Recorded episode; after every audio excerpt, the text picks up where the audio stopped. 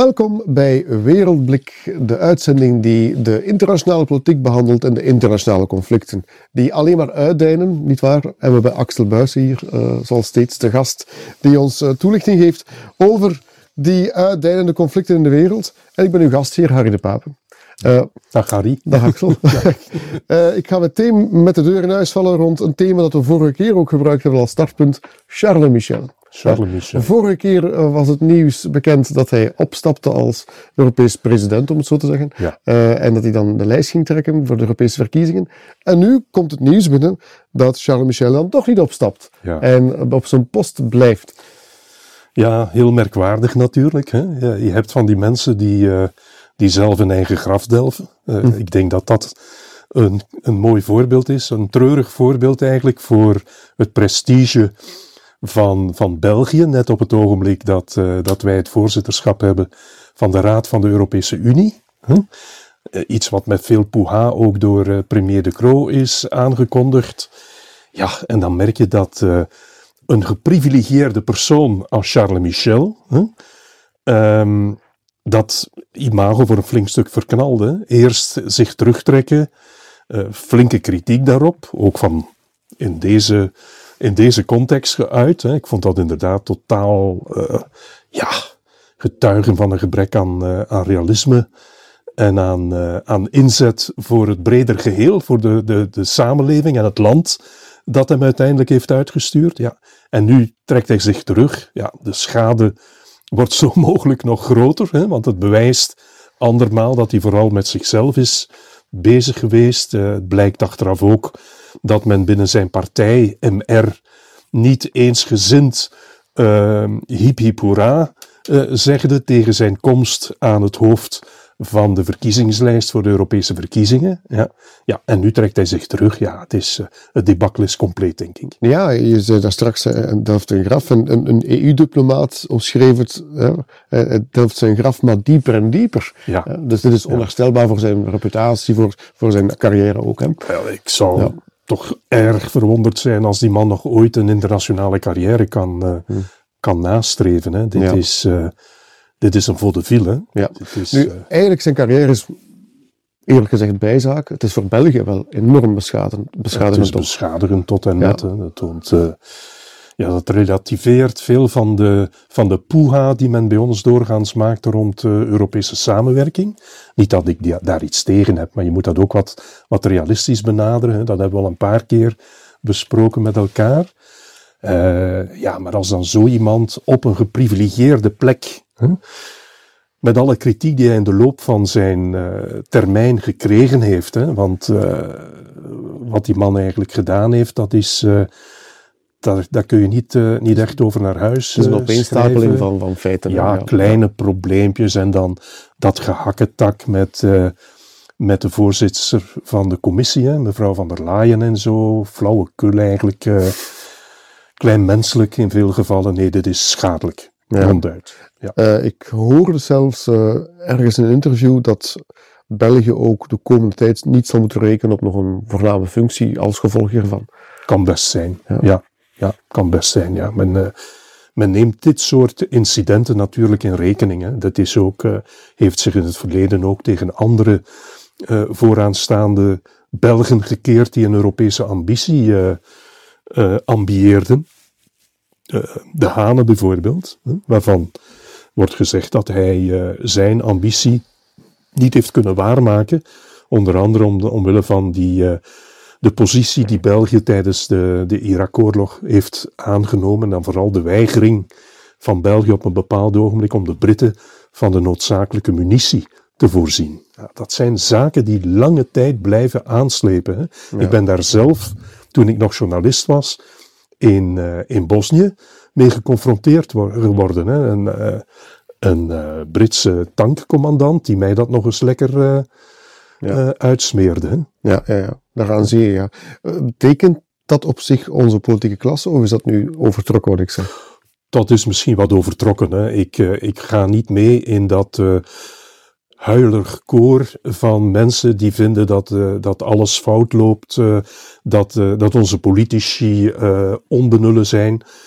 Uh, ik ga er absoluut niet in mee. Ik vind in tegendeel dat wij over een aardige groep goede politici beschikken. Hm?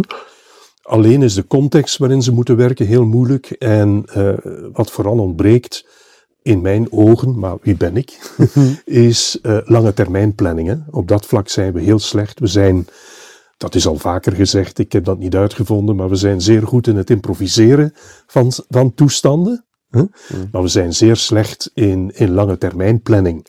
En laat dat nu echt iets zijn wat nodig is in dit tijdsgevricht. Ja. Onder andere op vlak van defensie bijvoorbeeld. Ja, wel over dat thema, om daar eventjes verder op te gaan. Eh, je stuurde een artikel door hè, van de International Crisis Group, dat uh, tien conflicten uh, opsomt die we in de gaten moeten houden voor 2024. Hè. Ja. Het is een, een, lange lijst, effectief. Hè. Uh, van Sudan over Myanmar naar Armenië, Azerbeidzjan, tot het gebied van de grote meren in Afrika. Ja, dat laatste heb ik er zelf aan toegevoegd. Ja, dat heb je aan toegevoegd, dat klopt, ja, ja. inderdaad.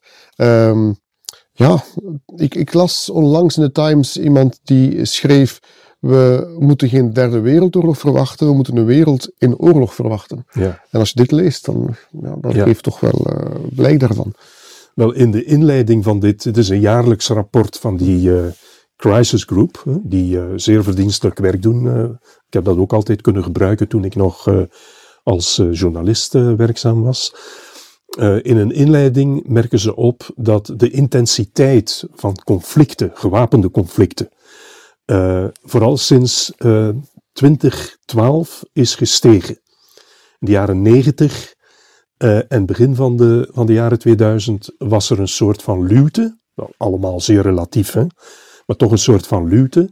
En vanaf 2012 is de intensiteit en de hoeveelheid gewapende conflicten die elk in zich de, de, de mogelijkheid dragen om uit te breiden tot regionale conflicten weer flink gestegen. En het is, het is begonnen, eh, als ik me niet vergis, met, uh, met Libië, het ineenstuiken van het Gaddafi-regime en de wat ongelukkige wijze waarop uh, de, het Westen daarop heeft gereageerd. Want we zien de gevolgen. Hè. Frankrijk en Verenigd Koninkrijk vooral. Frankrijk, ja. Verenigd Koninkrijk, de Verenigde Staten ook. Ook België heeft daaraan meegedaan. Hè. Voor een stuk onder druk van onze publieke opinie. Hè. En ja, dat illustreert wel het gegeven dat regeringen een klein beetje afstand moeten proberen te nemen van de publieke opinie. Hè. Want die, als je een conflict hebt, dan uh, was zeker in de jaren 2000 de druk vanuit onze publieke opinie vaak zeer groot om tussen beiden te komen militair. Intussen weten we dat je daar toch voorzichtiger moet in zijn. En dat je heel goed moet weten wat je capaciteit is om aan ja, het afdwingen van vrede en de heropbouw van, van, van duurzame vredesomstandigheden daarna, ja, dat dat allemaal niet zo, zo eenvoudig is als het soms lijkt. Ja, want dat ingrijpen plant heel vaak ook het zaad voor een nieuw conflict. Hè? Ja, zo inderdaad. Ja. In Libië, heel concreet, heb je een totaal, ja, heb je een zootje, hè? Dat is echt een zootje. Uh, er kan veel negatiefs gezegd worden over Gaddafi, maar hij hield dat land wel samen. En nu heb je een soort van ja, heropstanding van stammenconflicten, hè, want dat zijn het eigenlijk. Mm En uh, met alle gevolgen van dien, ook voor de vluchtelingenstroom richting Europa. Hè. Dat is een doorvoerland geworden en een land waar kandidaat vluchtelingen uit het diepe Afrika eigenlijk op gruwelijke wijze mishandeld en uh, behandeld worden. ja. We gaan even naar het lijstje eens kijken. Ja. Hè. Wordt hier Soudaan vermeld, hè, aanslepende ja. burgeroorlog, die hier vaak vergeten wordt? Wel, dat is de reden waarom ik uh, dit artikel eigenlijk voorop geplaatst heb. Omdat ik vind dat uh, onze media uh, nu heel zwaar, ja, ze hebben twee jaar aan een stuk heel zwaar Oekraïne belicht. Volledig akkoord, hè? dat is iets wat ons onmiddellijk aanbelangt. Dat is de achtertuin. Ja. ja. Nu zit men natuurlijk heel sterk op Gaza en het conflict met Israël en de westelijke Jordaan-oever en Hezbollah enzovoort geaxeerd. Ja, dat is ook normaal, denk ik. Maar wat ik minder normaal vind, dat is dat men een aantal andere conflicten, die vaak veel gewelddadiger zijn, nog dan wat wij in Gaza zien. En Gaza is al behoorlijk uh, gewelddadig mm-hmm. natuurlijk en ontstellend voor wie dat bekijkt. Maar die burgeroorlog in Sudan heeft al veel meer slachtoffers gevergd. Hm? En dat is een conflict, een intern conflict, een intern Arabisch conflict, hm? Waarbij de twee partijen zijnde het, uh, het reguliere leger aan de ene kant en een soort van militie die gevormd was door uh, president Bashir, een van de vorige dictators van het land, die, die strijden om de macht, niets of niemand ontziend. En uh, het staand leger wordt gesteund door Egypte. En de rebellen worden dan gesteund door ja, een aantal van die golfstaten, Arabische golfstaten. Hmm. Dat, dat, zijn eigenlijk Arabieren onder elkaar, die dan bovendien nog eens, en dat is toch ook iets wat mij hoog zit persoonlijk, um, gebruik maken van die situatie om de aloude uh, slavenhandel, waar Sudan een zeer uh, kwalijke reputatie in heeft, te doen heropleven. Hè? Doordat men niet-Arabische, zwarte mensen uit de provincie Darfur weer begint te, te ontvoeren en te behandelen alsof men dat ja, honderden jaren aan een stuk gedaan heeft. Hè? Want Zuid-Soedan was een van de bronnen voor de slavenhandel, zowel in transatlantische richting als in de richting van het Arabisch Schiereiland. Ja, er wordt weinig over gesproken. Hè? Men heeft het altijd, en terecht, hè, dat men vragen stelt rond die transatlantische uh, slavenhandel waar West-Europa een aandeel heeft, uh, heeft in gehad. Dat klopt. Hè? Maar de basis van die slavenhandel was telkens wat er intern in Afrika gebeurde. Ja. Ja? Want het waren de Afrikanen onder elkaar hè, die zorgden voor de constante aanvoer van weer nieuwe uh, massa's slaven in beide richtingen. Ook in noordelijke richting, ja.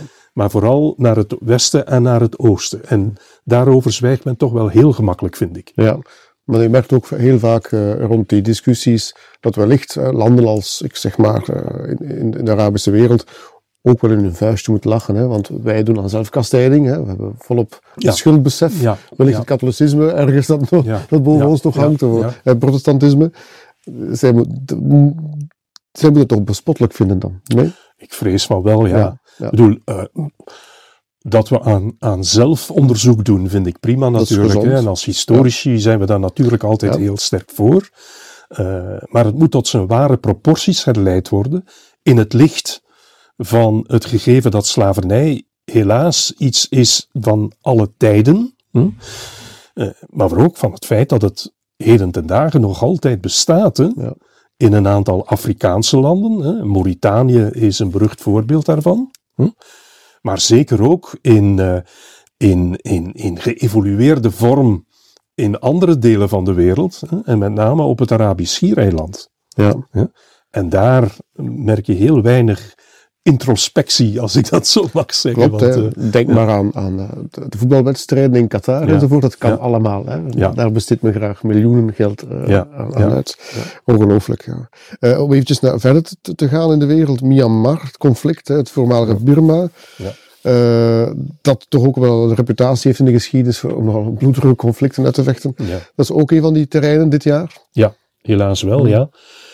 Dus uh, een tijdje heeft men de indruk gehad dat het daar beter ging. Hè. Dat was met uh, de, de aanstelling van, dan moet ik even zien dat ik het goed uitspreek, Aun en, enzovoort. Mm-hmm. Ja, ja.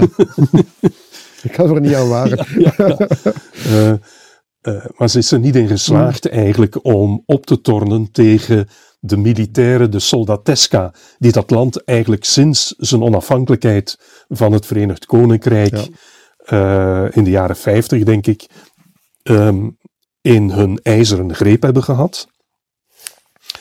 Een uh, soldateska die steunen op, uh, laten we zeggen, de meerderheid. de Bamara-meerderheid, als ik me niet vergis, maar ik kan, ik kan ernaast mm. zijn. Want zo goed ken ik die regio nu ook niet. Hè. Uh, die altijd in conflict hebben gezeten met uh, talrijke etnische minderheden, die vooral in de randgebieden, richting Vietnam, richting, richting China voornamelijk, hun basis hebben. maar nu heb je daar een soort van veralgemeende burgeroorlog opnieuw, waarbij de ene na de andere ehm, groep mensen zijn gaan rebelleren.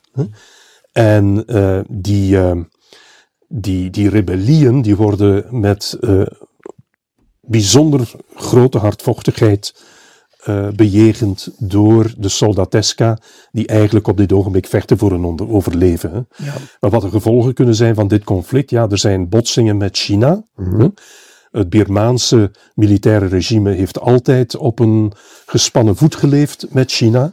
En je ziet dat China daar nu eigenlijk ook gebruik van maakt om een aantal van die rebellerende um, minderheidsgroepen van wapens te voorzien. Ja. En dat, ja, uh, dat duidt dus op de mogelijkheid dat ook dit conflict kan uitbreiden uh, naar de, de buurlanden van, uh, van Myanmar of Birma, zoals het vroeger mm. genoemd werd. En dat het vooral, laten we mm. zeggen, de, de structuur van het land zelf helemaal in gevaar kan brengen. Want je weet nooit wat er na zo'n conflict in de plaats komt. Hè? Ja, denk aan Libië. Ja, ja. Mm.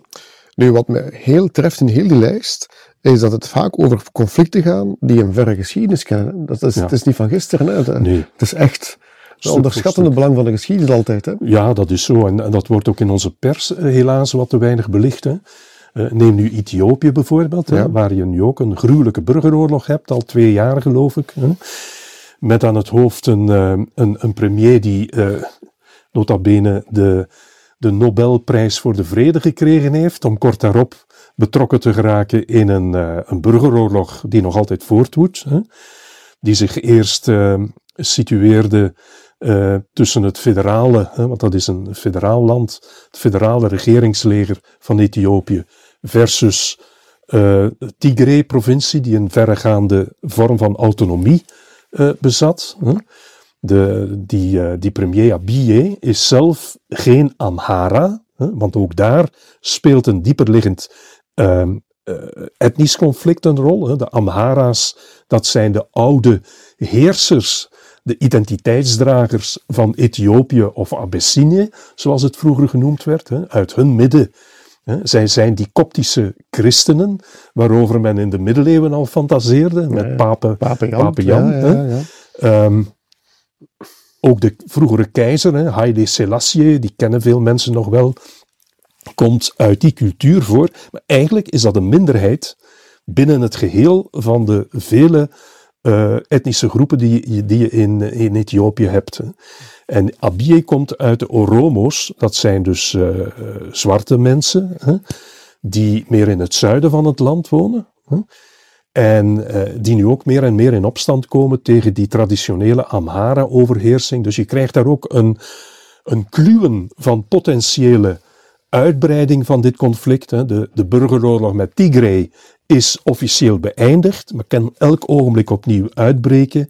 En je hebt dan de tegenstelling tussen Ethiopië en uh, Eritrea, hè, dat lange tijd deel uitmaakte van Ethiopië, maar dat zijn onafhankelijkheid verkregen heeft op een bepaald ogenblik, maar dat wel de rest van Ethiopië, wat Ethiopië gebleven is, afgrenzelt van de Rode Zee. Ja. Dus een volgend conflict zou wel eens kunnen zijn uh, Ethiopië versus Eritrea, hm. en dan, ja, dan gaat de hel helemaal lopen, vrees ik. Hè? Want ook Somalië wordt er dan ingezogen. Ja. De kans is altijd groot dat ook Kenia daarbij betrokken wordt tegen heug en meug. Ja. En uh, ja, iedereen herinnert zich nog de hongersnoodperiodes in Ethiopië, hè, waar er een heel brede solidariteitscampagne in het Westen rondgekomen uh, is. Ja, als je ziet wat, wat de toestand in dat land op dit ogenblik is, ja, dat is eigenlijk om te huilen met de pet op. Hè.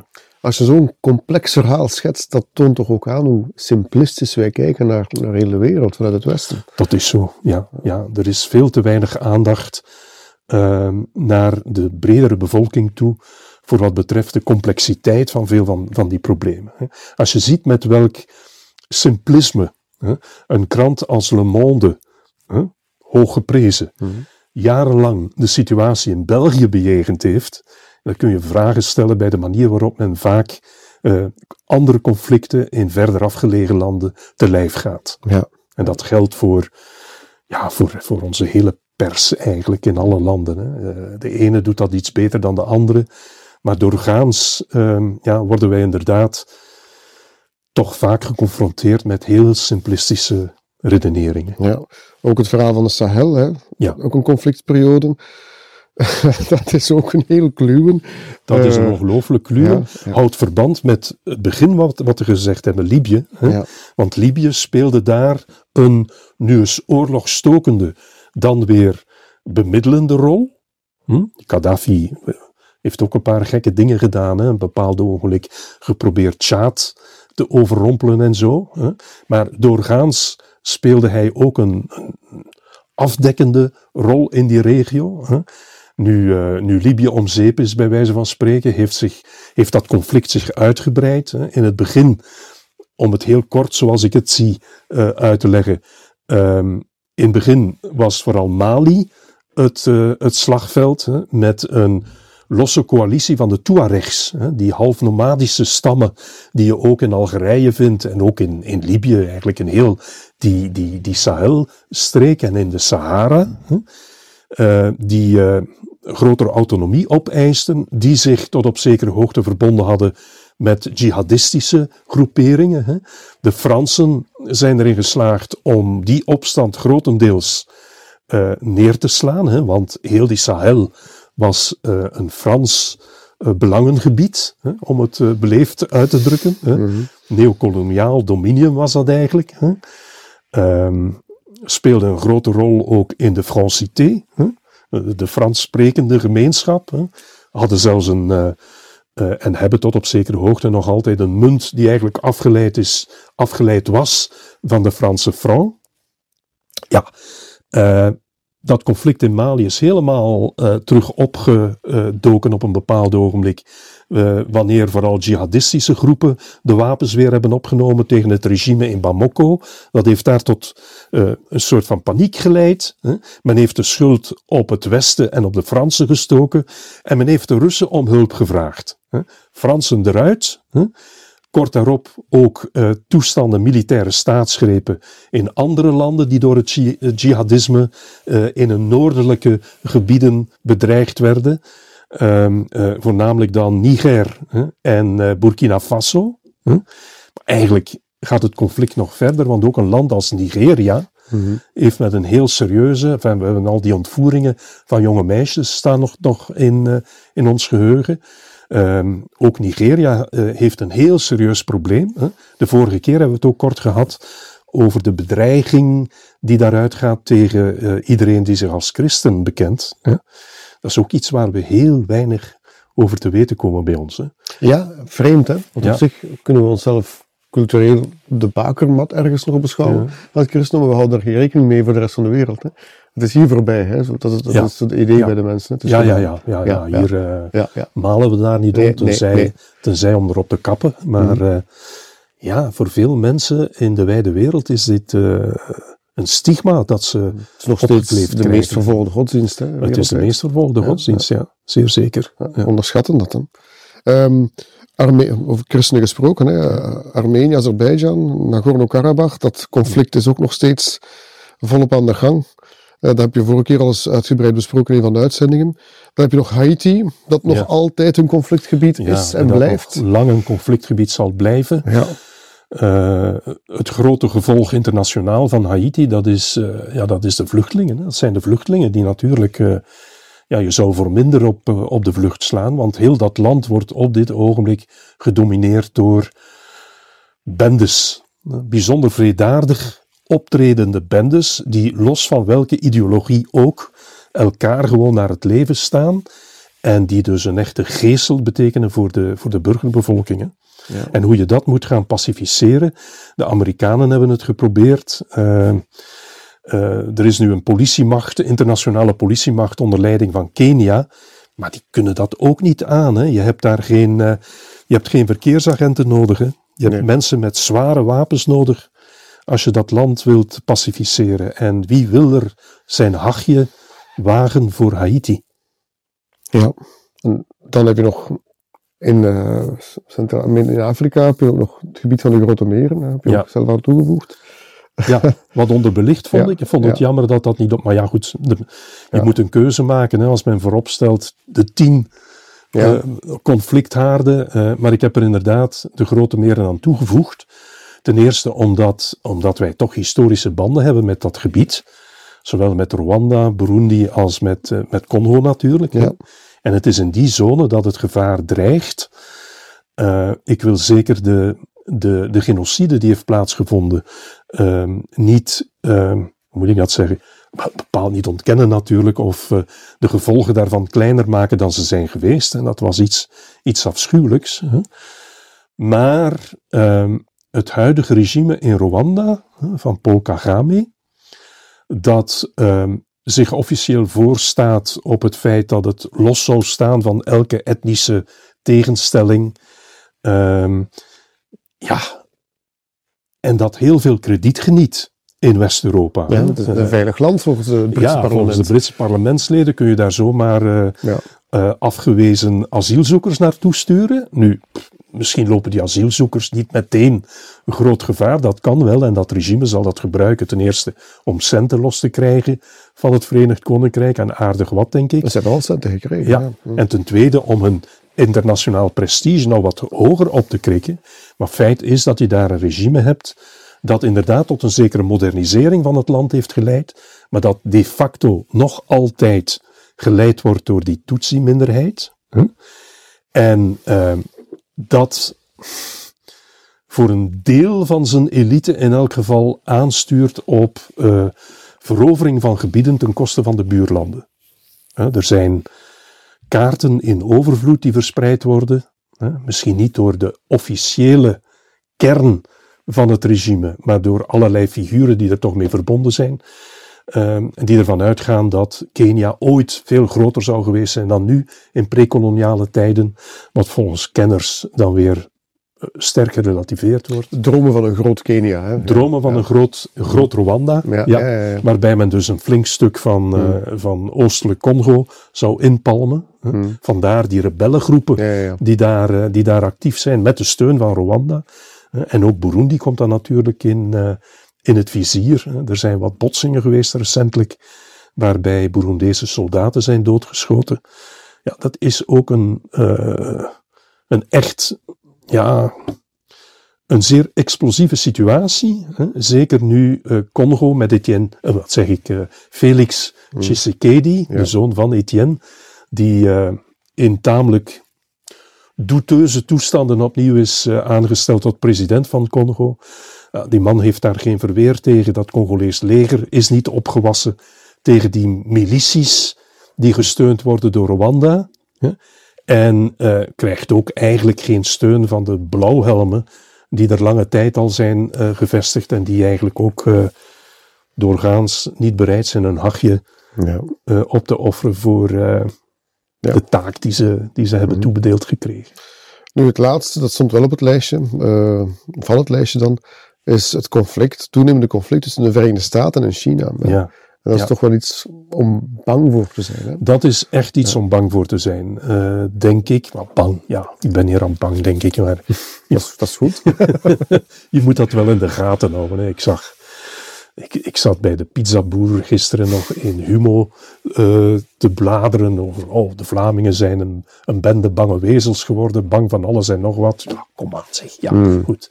Maar je moet wel realistisch zijn. Het is wel een conflict dat enorme impact zou kunnen Dat hebben. hè. zou een enorme impact hebben, maar geen van beide landen, hè, en dat geldt voor veel van die regionale conflicten, geen van die landen heeft er eigenlijk baat bij om het conflict helemaal op de spits te drijven. hè.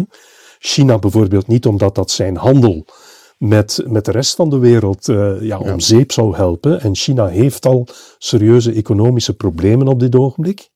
Sinds corona zijn ze er eigenlijk niet in geslaagd om een eh, economische machinerie weer op volle toeren te laten draaien. En dat begint zich te laten gevoelen. hè. Voor de Verenigde Staten zou dit natuurlijk ook een enorme klap betekenen. Hè? Omdat, dat- dit zou echt een, een, een kleine wereldoorlog zijn, wel natuurlijk. Ja. Zeer moeilijk te beheersen. Maar je merkt dat beide partijen op dit ogenblik eh, pogingen doen om, laten we zeggen, de, de lont uit het kruidvat eh, te halen. Hè. Er zijn onmiddellijke contacten geweest tussen eh, Xi, de, de Chinese sterke man, en president Biden. Hm? Ehm, die gesprekken gaan nog altijd voort op diplomatiek niveau. Dus ik denk dat de kans toch groot is dat men dat werkelijk onder controle eh, kan houden. Ehm, En ja, maar we moeten zien, hè, er kan altijd iets, iets fout lopen, maar uh, ja. ja. Dat is dan toch een van de voordelen van de globalisering, hè, die vaak bekritiseerd wordt. Het feit dat de belangen zo verstrengeld zijn dat men geen grotere oorlog wenst. Ja, dat is inderdaad een van de voordelen, mm. misschien het grote voordeel van die globalisering. Hè. Mm. Uh, voor China zou een oorlog met de Verenigde Staten ronduit, ja, dat zou het land decennia terugslaan in het verleden, denk ik. Hè? En dus ook de, de welstand van de bevolking, waar het regime, het communistische, neo-communistische regime, zijn legitimiteit aan dankt. Hè? En dan heb je de vraag natuurlijk of de Verenigde Staten ja, in staat zouden zijn om, om dat op een ordentelijke wijze te regelen. Hè? Gezien het feit dat ze uh, aan de ene kant al uh, problemen hebben met Oekraïne. Hè? Biden kan heel moeilijk en Oekraïne uh, in, in stand houden. Uh, en een oorlog voeren met China en tegelijkertijd zijn. Uh, en de Gazastrook en de Gazastrook ja, intomen ja, en ja. zijn, zijn persoonlijke verkiezingscampagne voeren. Hè? Dat wordt. Zo mogelijk. Ja. Maar dat duikt dus ook weer het spook op ehm, van ehm, de herverkiezing van Trump. Mm -hmm. hè? Waar we ons inderdaad best op, op voorbereiden. Hè? Ja. Want, uh, surrealistisch, hè? Het is ja. surrealistisch. Hè? Uh, je hebt misschien ook uh, gezien, ik denk dat ik dat opgenomen heb, ja. dat hij weer tegen de NAVO begint te fulmineren. Klopt, en daarbij regelrechte nonsens verkoopt. Hè? Ontkent dat de, de rest van de NAVO, de Verenigde Staten, te hulp zijn gesteld, gesneld na de, na, na de, de debakkel in, uh, in New York. Huh? Uh, ja, als je, dat, als je dat niet weet en, en je vertelt daar nonsens over, dan ben je een gevaarlijk man. en Trump is een gevaarlijk man. Ik begrijp, ik begrijp niet dat er, uh, dat er ook bij ons in Vlaanderen mensen zijn die die kerel blijven ophemelen. Die man is levensgevaarlijk voor de rest van de wereld, denk ik. En op de eerste plaats voor de Amerikanen, maar daar, daar staan ze dan zelf voor in. ja. Nu, uh, Axel, de tijd is om. Op zich hadden we nog heel veel te bespreken. Uh, onder andere uh, het, het, het, conflict tussen Iran en Pakistan, dat bijzonder interessant is en ook wel heel wat gevaren in zich ja. bevat. Ja. Maar dat zal voor een andere keer moeten zijn, vrees ik. Oh, dan doen we dat zo. Dan gaan we dat volgende keer ja, zeker bespreken. Goed. Bedankt alweer voor je inzichten, dat is zeer interessant. En u bedankt om te kijken en om te luisteren. Tot de volgende keer.